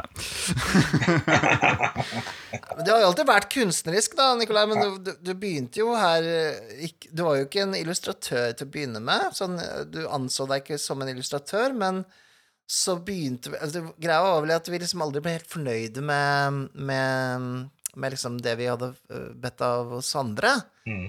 Eh, og så var det også litt sånn derre Fader, vi må jo ha kunst eller artwork her eh, som ville koste oss mer enn uh, det vi har fått på. Kickstarter nå. Ja, ja, så for å kunne egentlig få kontroll på den prosessen og bare få, få så mye kunst som vi ønsket å ha inni disse inni denne boka, så var det jo bare å lære seg å um, illustrere. så eh, hvis det, for, for det trente øyet kan sikkert se hvilke som er de første eh, jeg har tegna, og hvilke som er de seneste. Fordi det har skjedd en utvikling i, i, i eh, kvaliteten. Men det, Ja, det er jo ganske sånn får det bli. Det er det definitivt. Sånn får det være. Det får se ut som det er forskjellige folk som har tegna. Ja, det får se sånn ut. Så, så, så, så kort svar er at Nikolai har rett og slett lært seg å være så på, og meg og Mikael er bare sånn naturlig. Ikke sant? Nettopp. Det, jeg går på kurs hos dere to. Eh, Hva er spillets killer app, og hva skiller det fra røkla? spør Ole Petter. Oh, Mikael. Jeg syns, eh, jeg syns at det er um, eh, bragder. Det syns jeg er en, en fantastisk uh, nyvinning når det gjelder eh, hvordan man håndterer på en måte belønninger i Ja, Så du får ikke experience points her. Får ikke noe XP. Nei, ikke direkte. Nei. Nei, du får eh, Du vil gå en runde rundt bordet etter endt session, eller økt, hvis vi skal snakke norsk rollespill. Eh, spør eh, er det noen som føler de har eh, oppnådd noen bragder i dag. Og så eh, diskuterer vi om vi syns noe som har skjedd i dag, har vært, har vært en bragd verdig. Og eh, hvis man, eh, man føler det, så kan man da skrive ned en bragd, da. Da du stupte ned i den myra for å redde den der stakkars vetten som eh, holdt på å drukne, og trakk den, trakk han ut Det var en, det var en bragd Altså for et rollespilløyeblikk det var. ikke sant? Skriver du det opp på rollearket? Ja, ikke sant, skriver du opp det som en liten setning. Um, og disse bragdene, de, kan, de må man ha så og så mye av, da. Kommer an på hvor stor gruppa er. Eh, men for en firer-femmergruppe så er det vel fire bragder per spiller i løpet av eh, en gruppestyrke. Som, gruppestyrke er da hvor eh, sterke dere alle er sammen. Det sier litt Altså, gruppestyrke én er unge lovende. Eh, Det betyr at dere på en måte har satt eh, veien ut av landsbyen og begynt å, å gå på eventyr, men dere er ikke liksom i stand til å bekjempe store greier enda, eh, og den slags. Men når de har fått fire bragder hver, så øker gruppestyrken da til neste nivå, da, som er herdet, for eksempel. Det betyr at de kan slåss mot litt sterkere motstandere og tåle litt mer og den slags. Så det har en sånn eh, Til forskjell da, fra DOD, hvor du på en måte får massevis av hitpoints, og du blir flinkere masse rart, så er det mer eh, hva du får tilgang til eh, å slåss mot, eller vanskelighetsgradene til fiendene, da. Sånn for eksempel kan en ulv være vanskelig eh, for en gruppestykke gruppestyrke 1-eventyrer, men en gruppestykke 2-eventyrer, så er den vanlig, eller eh, ja, eksempelvis. Dette er det vi kaller quick, quickfire-svar. da. Det er kjempebra. Nei, jeg tenker også, Ja, det var quickfire. Men jeg syns, jeg, jeg, jeg, syns det, det fine med det er at uh, Det som er killer-appen med det, er det at eh, de spillerne som ikke har fått så mye spotlight, er nødt til å få litt spotlight for å rett og slett eh, må heies fram litt da, for at hele gruppa skal gå opp. Det er veldig pedagogisk, men det er også en veldig sånn eh, fin måte å heie hverandre frem på, da. det er det jeg tenker det jeg ikke har sett i noe annet rollespill jeg har spilt. At fokuset er på gruppa som helhet. Det, det, du, du, du, det, det er ikke bare er ett individ, det er ikke bare du som blir sterkere. det, Du må hjelpe de andre for å kunne bli litt kulere. Ja, og det er flere samarbeidsmekanikker her så, som, som jobber sammen. Ja. Eh, Jeg syns også en killer-app eh, er jo egentlig at vi har det, Og den ble lagt til veldig sent. Og det er kapitlet kapittelet som heter 'Å spille med barn'. Eh, Og det er et eget kapittel er, eh, hvor det er en destillert versjon av Dragepust. En forenklet versjon av Dragepust. Som eh, fokuserer spesielt på hvordan du skal spille med, med yngre spillere. da En slags Dragepust junior, rett og slett. Mm. Og den, eh, Det er det du kaller det. ja, og den har jeg testa nå nylig, så den er jo veldig ny, da, så, men jeg har testa den nå med min egen sønn, han er seks år gammel, og det har fungert veldig, veldig bra. Så stor suksess. Mm. Ja, og jeg har en, jeg, jeg har en eh, sønn sjøl som er, står stange ved døra og har lyst til å være med og spille. ja. Så jeg har måttet love han dyrt og heller at ja, vi skal få gjort det hele dagene. Jeg har bare ikke kommet så langt. Mm. Tanke på Jeg jobber jo litt i, i på en måte i eh, RPG Central, så jeg får jo spørsmål fra foreldre hele tiden om de har noen rollespill på norsk som passer for barn. Og det er liksom sånn eh, Folkens, eh, jeg tror vi må ha med et eller annet om det her, for det er liksom Det er, kjempebehov, liksom. Mm. Vi, må, vi, må, vi må ta med det i boka. Så det er jo litt sånn Det er både det, og så tror jeg også spillsystemet i seg sjøl Vi har jo spilt det Vi spilte på Arkon med hva- Hvor gamle var de, da? Jeg hadde en gruppe med niåringer, Mm. Niåringer, tiåringer, jeg husker ikke. Det var veldig unge spillere, da. Eh, og de, de catcha jo systemet på, på fem minutter og begynte å spørre om Kan jeg bruke vilje, kan jeg, kan jeg bruke den ferdigheten her? Ja da, ja, kjør på. Ikke sant? Ja. Mm. God forklaring på det, og det, kan jeg hjelpe? Ikke sant? De, de, de virkelig sånn heiv seg inn i systemet, og, og det tok ikke lang tid. Da hadde jo de litt erfaring med det fra før, det men, eh, men det var jo veldig gøy å se da, hvordan, hvordan det på en måte glei som om de hadde spilt i lang tid, Mm. etter veldig kort tid. Så det er ikke det at eh, spillsystemet seg sjøl ikke kan spilles med unge spillere, men nå tenker jeg jo sånn som din alder, da, eller så sønnen dins alder, eh, Nikolai, seksåringer og femåringer og sånn, at det er der den, den delen er Ja, for, da. det, det er jo Så helt på grensen av at uh, man skal kunne spille det, ikke sant? Det kommer an på Ja. ungen.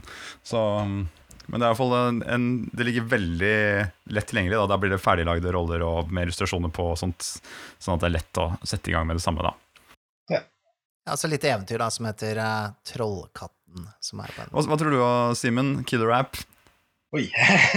Nei, det jeg vil uh, igjen bare dra frem det er at vi hadde jo grunntanke hele tiden. Du skulle kunne lære deg dette systemet her på 15 minutter.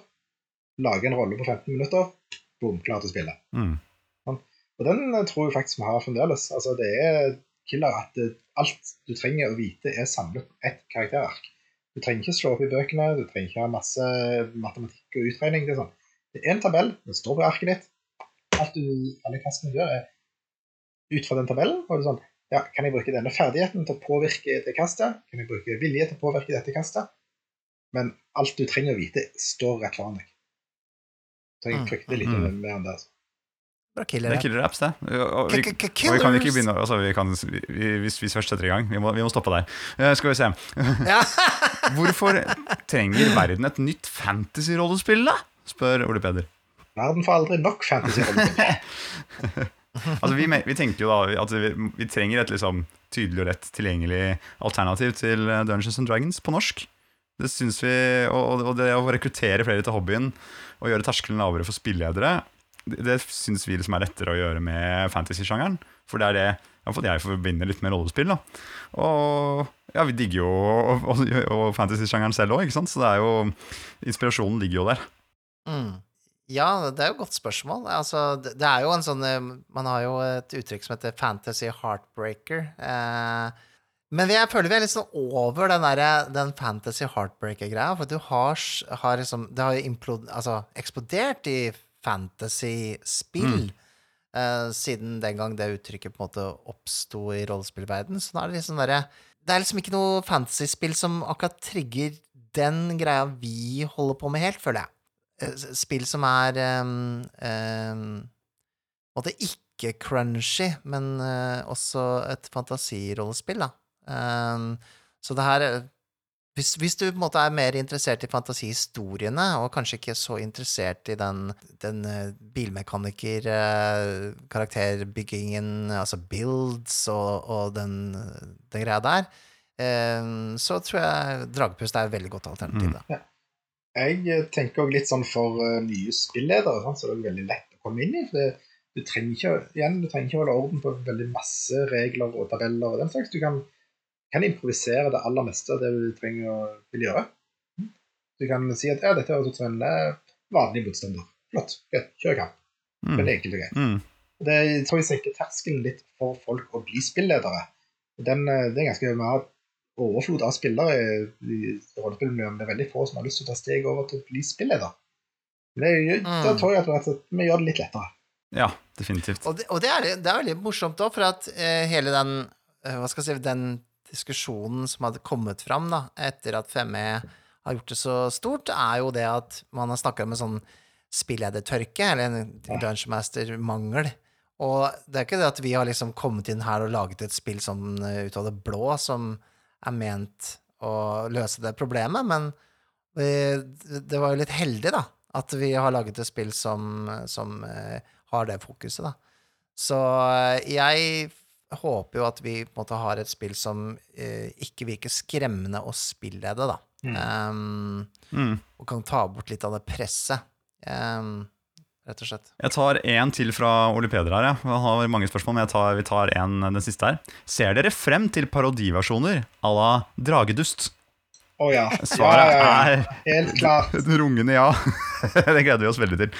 Ja, det er klart det. Ja, det ble kjempebra. ja. Oi, men nå kommer, nå Største kommer største- største æren kan få, er å bli parodiert. Ja, ja, jeg tar det med åpne armer. Parodi er den beste formen for, for, for eh, Jeg husker Nei, ikke sant. Skriver norsk rollespill, så husker du ikke eh, norske ord. Uh, Hyllest. Flattery, holdt jeg på å si. Hyllest, ja. ja. Men nå kommer eh, Roland bort til oss her. Hei. Jeg har en eh, papyrus her fra Johan Rågmark. Ah. Ja, han, ja. Det var den tieflingen. Ja, är ni klara? Ja, ja. Hva var det mest overraskende eller tidkrevende med processen å lansere en Kickstarter? Takk for meg!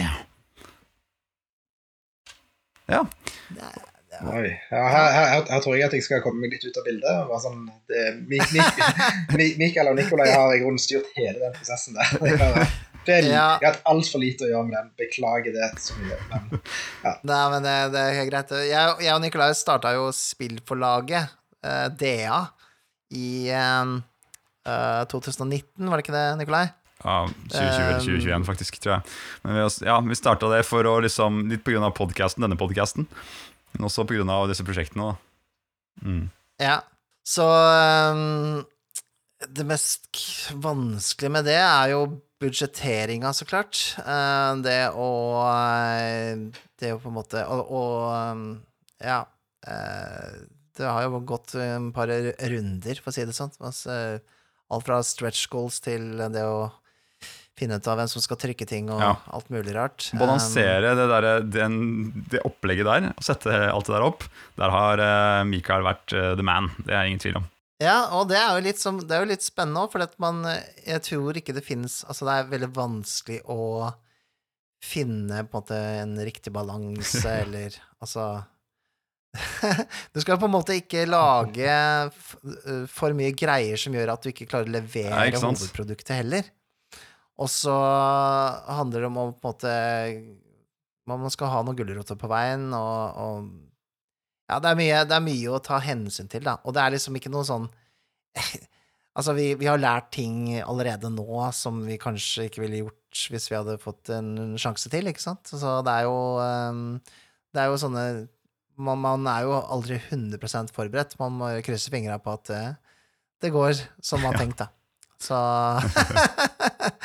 Men det fine med oss, da, det er at eh, fy fader, eh, når vi setter oss fore ting, så er vi gode på å få det på plass. Det er Det har vi jo gjort, i hvert fall. vi er noen, ar vi er noen arbeidsjern. Eh, det skal sies. Ok, jeg tror jeg, skal ta, jeg tror jeg har lyst til å ta en sjæl her, jeg. For den her sitter jeg og ruger Ja. litt på bortpå hjørnet her nå. Skal vi se, Her har vi en papyrus fra Simen Strandberg. Han har to spørsmål. Jeg kan ta, kan jeg ta det første, så kan dere ta det andre. Eh, dere har fortalt at dette skal være et spill som gjør, som gjør det enkelt å være ny spilleder. Hvilke grep har dere gjort for å forsikre dere om det? Og Nå har vi jo snakka litt om det her og der, men da kan vi ta det liksom eh, rett på. Rett på det du spør om. Altså, Vi har gjort sånn at stort sett spillerne er de som ruller terning, og de ser hvilke tall de skal ha på rollearket sitt. Uh, man behøver ikke å si uh, om noe liksom, Man bør ikke finne frem masse tall, fordi du bare sier om noe er vanskelig eller lett. Vanskelig eller lett, eller veldig vanskelig, og så ser de det med en gang. Så det er liksom det store grepet. Um, hvis det dukker opp måte, noen eh, kreative løsninger, la oss kalle det fra spillernes side, så er det lett å hanskes med for en spilleder. Hvis de går off script, da, for å si det sånn, eh, og finner på et eller annet, så bare, kan du bare si at det, det er vanskelig å få til det i denne settingen her. Men du kan jo prøve, ikke sant? Og da ser du hva du må rulle.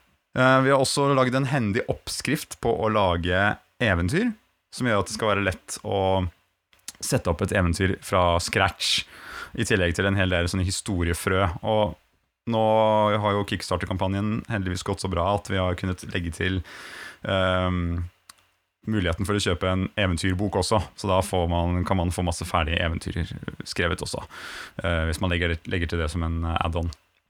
Eh, Når det gjelder magisystemet i spillet, så består det av formler og er henholdsvis ganske rett frem. Litt åpne for tolkning, noen av de, men det skal være ganske greit. Du brenner et visst antall eh, nektar, som er den kraften du bruker til magi, og leser hva, det, hva det magien gjør, rett og slett. Så mm, litt som vi snakket om tidligere, gått bort fra villmagi og masse andre greier for at det skal være litt mer strømlinjeforma, og du bare kan sette deg ned og sette i gang. Så det var noen hovedpunkter jeg si, for å gjøre det enkelt for å være ny spilleder. Og det er jo Jeg tenkte på det litt tidligere i dag, at man kan faktisk spillede Dragepust uten å kunne systemet. For så lenge du kan det der du, du har oversikten over de vanskelighetsgradene og de egenskapene, hvis du de har det framfor deg, så kan, hvis de andre har sånn passelig peiling, så holder det. Mm.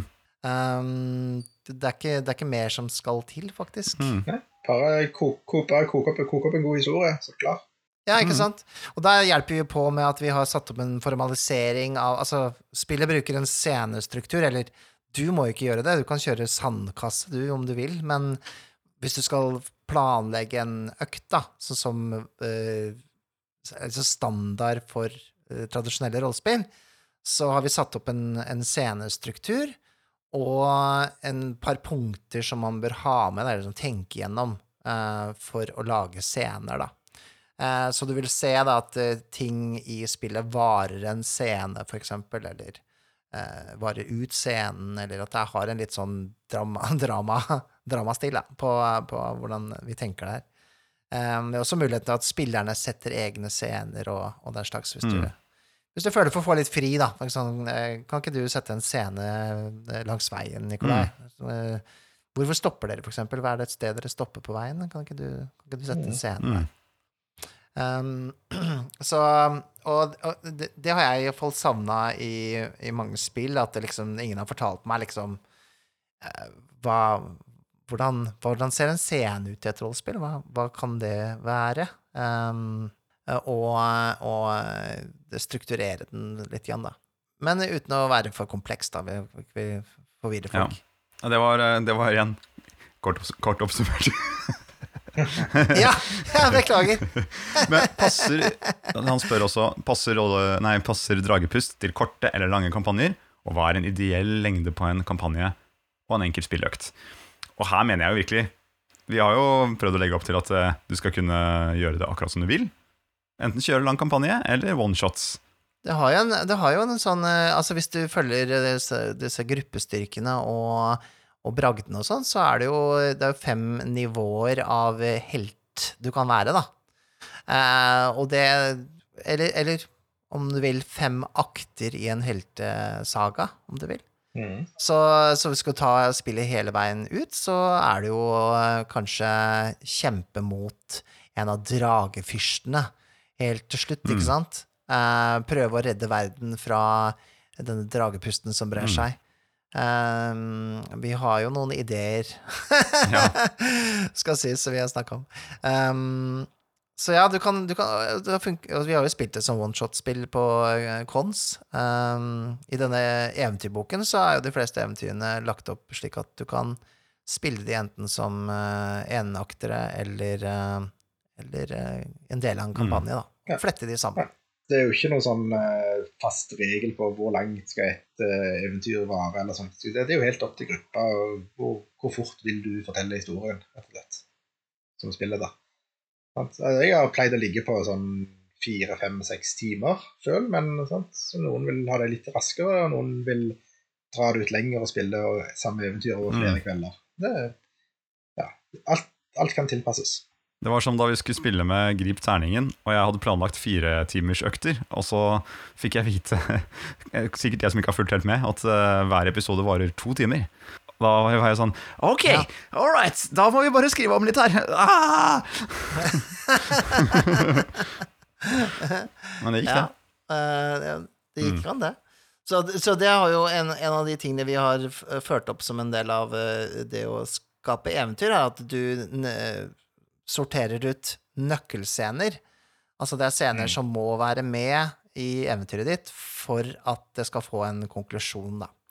Eh, så det har vi også med i eventyrboken, at eh, ja, du kan jo eh, Du kan eh, For å få eventyrene til liksom gå fort, eller vi skal ha dårlig tid, eh, spille ut nøkkelscenene og eh, Bob's your uncle, eller så tar du med flere. Um, litt sånn uh, vise at på en måte uh, kan, du kan ta det på to timer, eller du kan ta det på seks, sånn som Simen liker det. Og er dere som meg og ikke skjønner hva Mikael mener med Bob's your uncle, så dere er ikke alene. Ok, så har vi en fra Sir Gallerim her. Hva er planene videre for Dragepust etter at kickstarteren er fullført og belønningen er levert? Hvordan sikre at spillet lever videre i mange år, og ikke bare blir en greie i 2024? Ja, øh, det er jo vi, vi, vi har jo flere planer. Um, vi har jo snakket om en, eh, en slags lisens, da. eh, drevet av Dragepust, eller DAD, eh, som det heter på folkemunne. Eh, hvor, hvor man Altså av en type tredjepartslisens. Eh, det trenger man egentlig ikke i Norge. siden vi har jo ikke en sånn lei tendens til å saksøke hverandre over ting. Eh, men det vil også, vil jeg tro, da, at det vil gi en mer skal si, grunn til at folk eh, ønsker å, å lage egne ting. Um, og så har vi så snakket men Nå kan ikke jeg love noe, for det kommer helt an på spillermassen, rett og slett, om, om hvor og det er sånn, Vi kan slippe det spillet ut i verden, og så er det litt sånn Hvis ingen spiller det, så det er ikke noe Da er det ikke noe, på en måte, noe poeng at vi lager um, en eh, type adventure league for Dragepust, men eh, det er en tanke, da. Um, å lage en, et opplegg hvor hvor man kan måtte eh, ha en drageliga eller et eller annet lignende, da, så hvor, hvor, hvor man kan spille dragepust. Um, da gjerne med en litt sånn felles uh, historie som man deler i alle disse drageligaene på sine respektive Mm. Det her, er, det her glir jo litt inn i spørsmålet fra Mikael Esperum her òg, hvor han spør uh, hvordan planlegger dere å lage et miljø rundt spillet. Uh, ikke sant? Så, Mm. så vi ønsker jo virkelig å, å gjøre ting med dere der ute, når liksom, folk begynner å få det spillet her i hendene. Så det, det har vi Ja. kjempelyst til, å kunne finne på masse kult, rett og slett. Kanskje man kan ha ikke sant, rollespillsalonger, man kan ha dragepust på cons fra flere enn bare oss. Eh, jeg har lyst til å lage flere ting Jeg har lyst til å lage flere sånne ensiders eventyr for barn. Til dette Mm. Dragepust junior-greiene. ikke sant? Eh, vi kan ha konkurranser. Mm. Det er masse gøy vi har lyst til å Mm. gjøre. da Så- bare, bare, bare skrive eventyr som blir publisert på, her på Discord eller på ja, nettside eller Ja. hva som helst. Bare sånn, ja, Sørge for at gangen er litt der. At jeg har ideer til eventyr, ideer til scenarioer, ideer til spill på korn. Alt mulig kjekt. Det, ja. Mm. det er bare vær, vær, vær der ute og spille det. Bidra aktivt i den sjøl. Men så er vi jo veldig klar over at vi At det går ikke an å liksom bare gi ut et spill og slippe det. Altså, og så bare si det, 'Dette var det! Nå nå, nå, nå har jeg gjort det. Nå er jeg ferdig. Så vi skal jo Vi kommer jo til å holde i det og fortsette å lage materiale til det. Eh, Det er jo vanskelig å si sånn økonomimessig, da, hva vi, hva vi har råd til å gi ut og sånne ting eh, eh, etter at spillet er ute til kickstarter-backere og det er i butikkene. Men, eh, men planen er jo å kunne gi ut flere ting. Eh, uansett så kommer vi jo til å gi ut ting, altså eventyr digitalt og sånne ting, så klart. Eh, det, det vil jo være slike ting som kommer, men vi, har, vi har forberedt på oss å jobbe videre med det og lage mer ting, da. Eh, det er helt Mm. klart. Og vi har jo allerede noen ideer uh, over ting vi har lyst til å gjøre. Uh, Simen hadde veldig lyst på å ha en sånn uh, Hva skal jeg si En veldig sånn episk endgame-eventyr i eventyrboken, men vi tenkte at det er jo ikke folket klare for helt enda. Det blir, eh, det, det, det, blir neste eventyrbok. Ja, Ja, for det jeg tenker på det, en sånn, en, et sånn ønske vi har litt lyst til å gjøre, da, er å lage en slags oppfølger til eventyrboka etter hvert, eh, som tar for seg litt sånne eh, verdensforvandlende eventer, altså sånne eventyr som virkelig utsletter byer og, og, og, og virkelig lager litt Pardon my French. Lage litt faen, rett og slett. Og det tror jeg kan vært veldig gøy, da, eh, med en eh, slags oppfølger der. Og så har det vært litt snakk om å kanskje lage en egen dedikert uh, rollespill, uh, altså Dragepust for barn-bok med eventyr. Mm. Um, så vi får se litt hva det blir. Men uh, det er klart, vi får ta én ting om gangen. Um, Vi er for gira på å gjøre ting, da. Det, det er det ikke tvil om. veldig gira på å gjøre ting, og jeg håper, ja, vi vil jo at det skal få et liv. Ikke sant? Vi vil jo at det skal leve videre. Vi vil støtte opp om, om at folk spiller det og eh, er litt eh, Hva det heter det? Misjonærer for det og den slags. Så vi håper jo håper vi får til dette her. Ja, apropos det, da, egentlig, så eh, nå svarte, jo, nå svarte vi jo på en måte på mm, svaret til på spørsmålet til Espen Tveit her også, som spurte om noe av det samme. Jeg må nevne det òg. Men, men apropos det, så mm, må vi bare si at det er helt rått at eh, så mange av dere som lytter eh, på Vertshuset, har eh, vært med og backa kickstarteren for dette spillet, og gjort at det nå kommer til å bli en realitet. Det er helt rått. Og hvis det er noen dere kjenner som tenker at burde høre om det her, så må dere jo selvfølgelig dele det. Linken kommer til å legges i, i episodebeskrivelsen her av, av Mikael. Så altså, det, det er jo en gavepakke til de som allerede har backa, hvis du backer flere, for da dukker det opp flere stretch goals osv. Ja, så, det, så nei, vi, vi har tenkt å holde tak i det, uh, virkelig. Uh, det er ikke noe vi skal slippe på noen måte. Så her blir det mye snacks. Det er det som er planen, i hvert fall. Eh, Jeg har vel en sånn fire-fem eventyr eh, i, i skisser i tillegg til de vi har skrevet nå, som er eh, å- åtte eventyr. Åtte til sammen. Sju i eh, eventyrboka, én i hovedboka. Et eventyr for barn, ni. mm. Og så er det vel noen sånn fire-fem andre skisser som, eh, Ja. som vi Så det blir jo Det er jo, det er jo Oh, muligheter der. yes. Eh, er det noe du vil si, Simen, før du trykker på den store røde knappen på midten av bordet her mellom oss, her vi sitter inne på Vertshuset? Nei, bare igjen, som sagt, eh, bare glad for at så mange har backa spillet. Vært med, vært, interessen har vært uh, litt overveldende, egentlig. Jeg, eh, ja. og jeg er glad og stolt og overraska og litt uh, nervøs og livredd og ja, det meste. altså, sånn, pl pl plutselig var det sånn Det startet med tre kompiser som skulle bare lage et lite sånn, Vi bruker et par måneder og spiller sammen og ser om vi klarer å lage et lite spill. Og så plutselig sitter vi her og Å, dæven, dette er 100 000 på kickstart og backet på 12 timer. Og det var sånn I alle dager er det vi har utgitt oss på her. Ja. Ja, ja, ikke sant. Det, det er litt sånn derre Men nå står vi der, Simen. Nå må vi følge ja, det har vært eh, helt, eh, helt, helt eh, eventyrlig reise, for å si det sånn. ja. Ja, det er, det er, det er helt det, det føles litt sånn drømmeaktig, gjør det. Det føles som Itras by, hele greia. Kanskje det er det det er. Ja, trykk på knappen du, Nikolai. Så, Jeg trykker på. Jeg trykker på fun fact om oss-knappen igjen nå. Fun fact om oss, fun fact om oss. Har du hatt det gøy, eller har du bare slåss? Jeg har ikke tenkt ut en fun fact. jeg. Kan, jeg kan begynne jeg på min fun fact. Altså, Det her har ikke noe med dragebust å gjøre. Eller kanskje det har det? Å, shit! Ja, uansett. Dette er, eh, dette er bare en rar greie som jeg har opplevd, holdt jeg på å si. Levd med. Og det er Ok. at um, jeg har en utrolig hyggelig svigerfamilie, det må jeg jo si. Uh, og de har oppholdt seg mye på, på Fåberg, og der oppe eh, var det i lang tid ikke et vanlig fungerende toalett. Uh, og da, det har jo de vært vant til, for det er hytta, liksom. ikke sant? Og så ble det til at de begynte å bo der, da. Så da ble det liksom der de var. Og, og Så de var jo vant til dette her eh, merkelige toalettsystemet de hadde der. Men for meg, da, som kommer utenfra inn i familien, så var det utrolig merkelig. Fordi det de hadde istedenfor en dass, det var en sånn brennedass. Som i praksis er at du det, er, det ser ut som en do, men du må putte et sånt svært kaffefilter da nedi doen. Det er tørt, liksom. Og så må du gjøre det du skal gjøre oppi Du må passe på å treffe! Du må passe på å treffe oppi, for hvis det blir skeivt, da får du vaskejobb. Det skjedde meg noen ganger. Men, eh, nok, men iallfall, etter du har gjort det, så må du pakke det sammen som en liten matpakke. Lukke, trykke på en knapp, og så brennes det opp i en sånn forbrenningsovn rett under. Med flammer og det hele. Og det er, fy faderen det er, Når det liksom Altså, er jo dassen rett ved siden av kjøkkenet òg? Og spisebordet. Så Så man må jo liksom Så jeg har måttet time mine dobesøk i, i lang tid, da.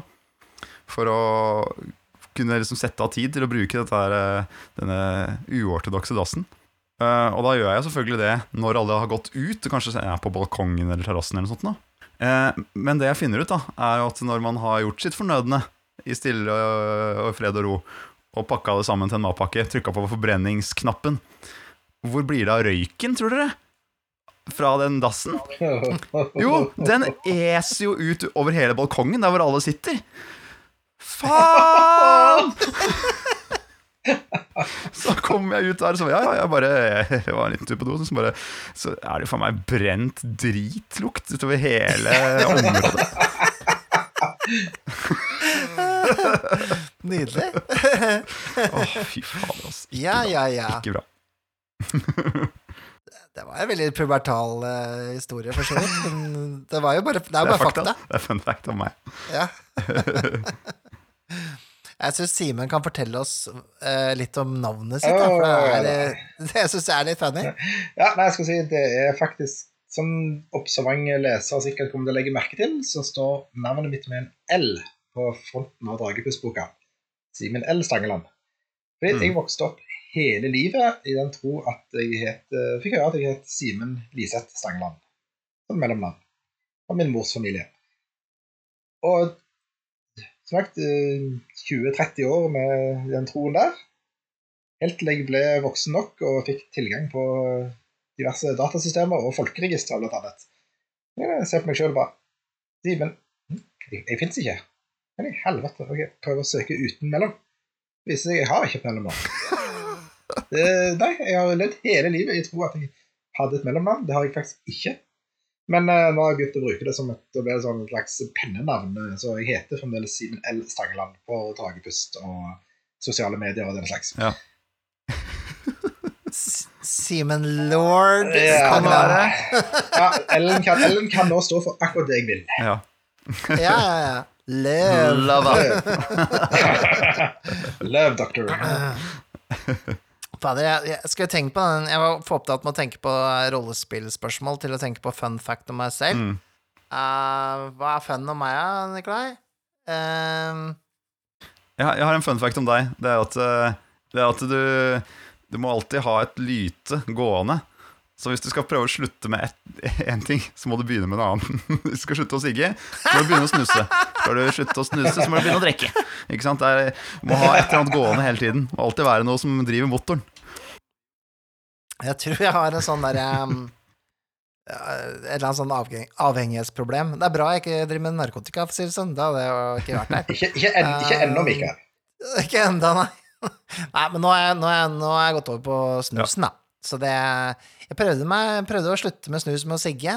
Det, det var et prosjekt, et lite forsøk, på, på liksom se om det var lettere å slutte å røyke enn å slutte å snuse. Men det var det ikke. Så da har jeg funnet ut det. Uh, så, og det går ikke an å slutte å snuse når man gir ut et spill på Kickstarter, for da er man jo konstant stressa. Um, så kanskje i april, når alt har blitt levert til, eh, til backere, og jeg sitter her med en sånn derre i boka sjøl og en eventyrbok ved siden av meg, og noen terninger og greier, sånn hjemme i stua, så bare Vet du hva, nå trenger jeg ikke å snuse, ass. Det er jo så chill. Så chill. Alt er bare på stell. Det er sånn det kommer til å bli. Akkurat sånn det kommer til å bli, Mikael. Og da, for å, for å klare å komme vekk fra den snusen, så er det heroin, da. Det er rett på heroin for å klare å få legge vekk snus. Det kan hende det er lettere å slutte med heroin enn å slutte med snus. Hvem vet? Jeg har ikke testa det. Så det er en fun fact om meg, da, at jeg er eh, litt sånn hobbynarkoman. Er det det du sier? På lavt nivå. Lavt nivå. Ja, du, du får dine kicks av å skrive rollespill. Det er det der. Mm. Ja, det er det. det, er det som Men vi, er jo, vi sitter jo her nå på vertshuset, og ikke bare er eh, Simen L. Stangeland eh, rundt bordet sammen med oss, men vi har jo andre patrons som også sitter rundt bordet her. Eh, vi har eh, Anders, og vi har Gaute, og vi har Pelle, som sitter her også og sender litt lapper og, holder på. Liten sh- shout-out til Pelle her, som har uh, Hogtann Media. eh, sammen med familien sin. De lager uh, DOD-eventyr på norsk. Det står litt om det på rollespill.info eh, i en artikkel der, ny, nyeste artikkelen. Jeg vil bare si at uh, for dere som ønsker å spille DOD på norsk, uh, så sjekk ut Hogdan Media Mm. på internett, for der er det jeg vet ikke, fem-seks eventyr ute nå. Det, det, det kommer flere òg. Hvis jeg er på norsk, altså bokmål, og nynorsk, det rare språket nynorsk, eh, ment for eh, nybegynnere og, og er lagt opp veldig pedagogisk og fint, så jeg sier bare sjekk ut Hogtan Media. Det er vel eh, det beste alternativet for det og det Hungrige nybegynnere som eh, har lyst på noe på morsmålet eh, Ja, per dags dato. Absolutt. Mm. Men så lurer jeg på, er det han? Han er jo Hogtan. Jeg mener, er det han som har dratt med seg de der tre De der tre som sitter borte på benken her? De der litt røtne folka. Ja, Han ene som er utrolig råtten, han er andre som er veldig sånn oppblåst og svulma, og han der som driver og Er det fyr på han, eller? Han, han, står og brenner, han sitter og brenner. Jeg trodde, han bare røykte. Nei, nei, nei, nei, nei. Det kan hende han gjør det òg, at det var sånn det begynte. Men eh, er det. Er det Du, jeg tror søren meg det er Jeg tror det er Der! Der! Der! Der!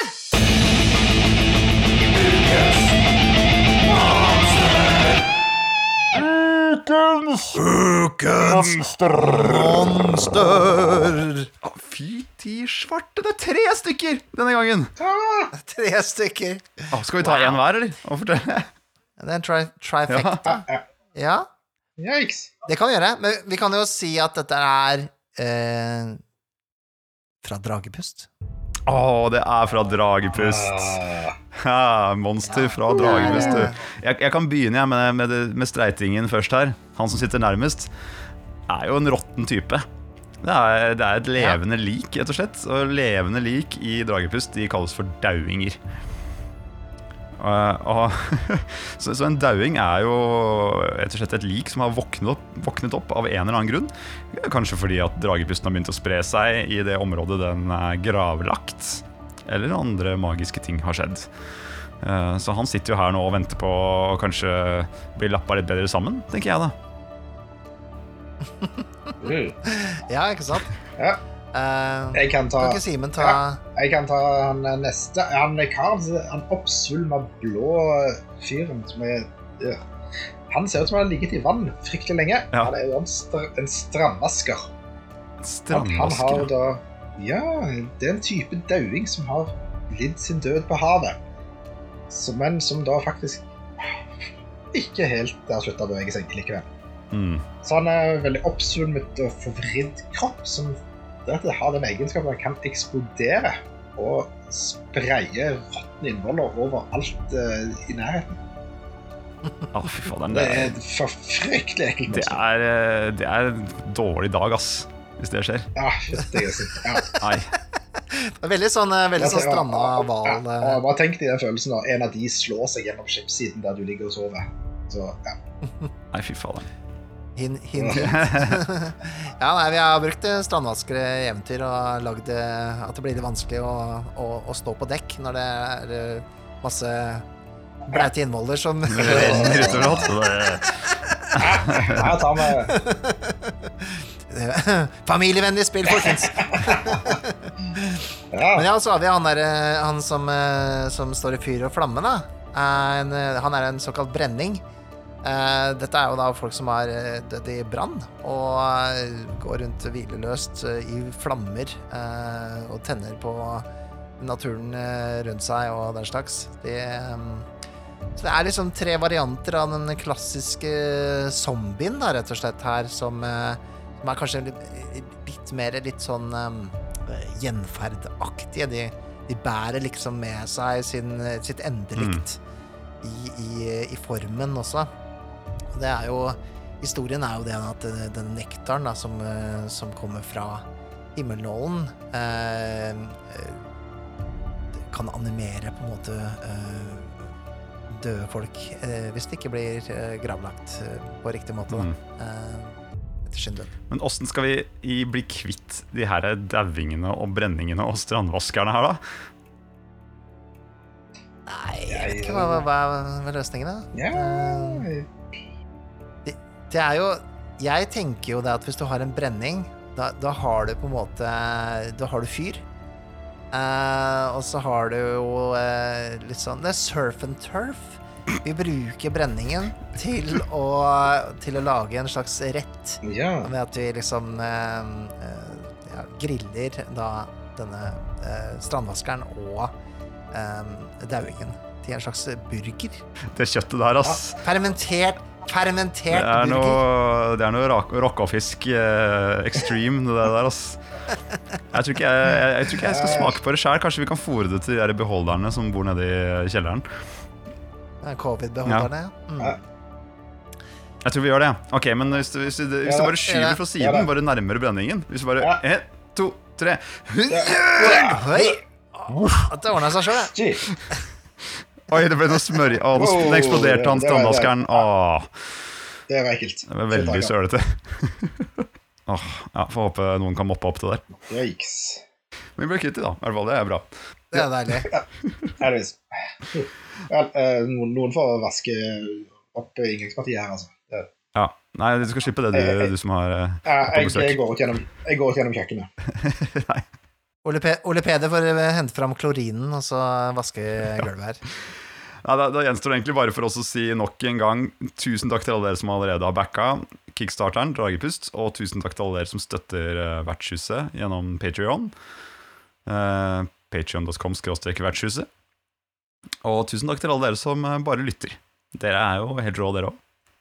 Helt suverent. Og det er det, som sagt, det er eh, Ja, det er overveldende eh, respons på dette her, og eh, vi, eh, vi gleder oss til å, å dele spillet med dere. Eh, Det har vært et sånn eh, Hva skal jeg si eh, vi, Det er rart å tenke på det tilbake, liksom. Sånn derre Hadde vi liksom Det var flere ganger hvor vi har liksom tenkt Ja, ja, det vi, vi lager jo et spill, det, vi kan jo slenge det ut på Drive-Through RPG som en gratis PDF en gang i tiden. Altså, altså man, man, man, man jekker det ned litt, Janne, ikke sant? Og, og, og sånn sett så har jo dette vært en eventyrlig uh, reise mot et uh, ferdig produkt, da. Det er jo sånn Det er jo uh, Man blir jo litt lamslått av det. at man, man nå står oppi i liksom ja, bare noen måneder unna å se det i fysisk format. shit, jeg gleder meg til å stå med den i hånda, ass.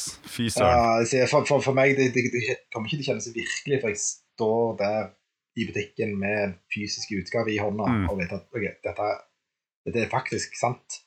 Så er bare Ja. tusen takk til alle som har vært med på conventions og spilt dette med oss, gitt oss tilbakemeldinger. Mm. Vi har tatt, tatt det Mm. til oss, og det har vært bare Bare få den responsen der helt enormt. Og så også, også den eh, kritikken vi også har mottatt, altså for det er Ja, altså sånn det er Selv om eh, vi, vi, vi Det stikker alltid litt igjen når man får Men, men, men man, man, man begynner å se på ting, og så ser man Oi, shit, ja, det er jo et poeng her. Ja, eh, og så gjør man uh, justeringer. Så um, det har vært eh, supernyttig. Yes, men da er det Men nå er det, nå, men nå er det perfekt. nå, nå er det perfekt. vi får se. helt klart. Vi får se. Helt klart. Ja. Nei, men Takk for at du var med og pratet litt sammen med oss også, Simen. Det, det skulle jo bare mangle når, det, når vi skal snakke om sjølveste godspillet. At vi har Ja, ja, alle, ja. alle skaperne til stede. Det syns jeg. Alltid en ære å være med i vertshuset, vet du. det er godt å høre.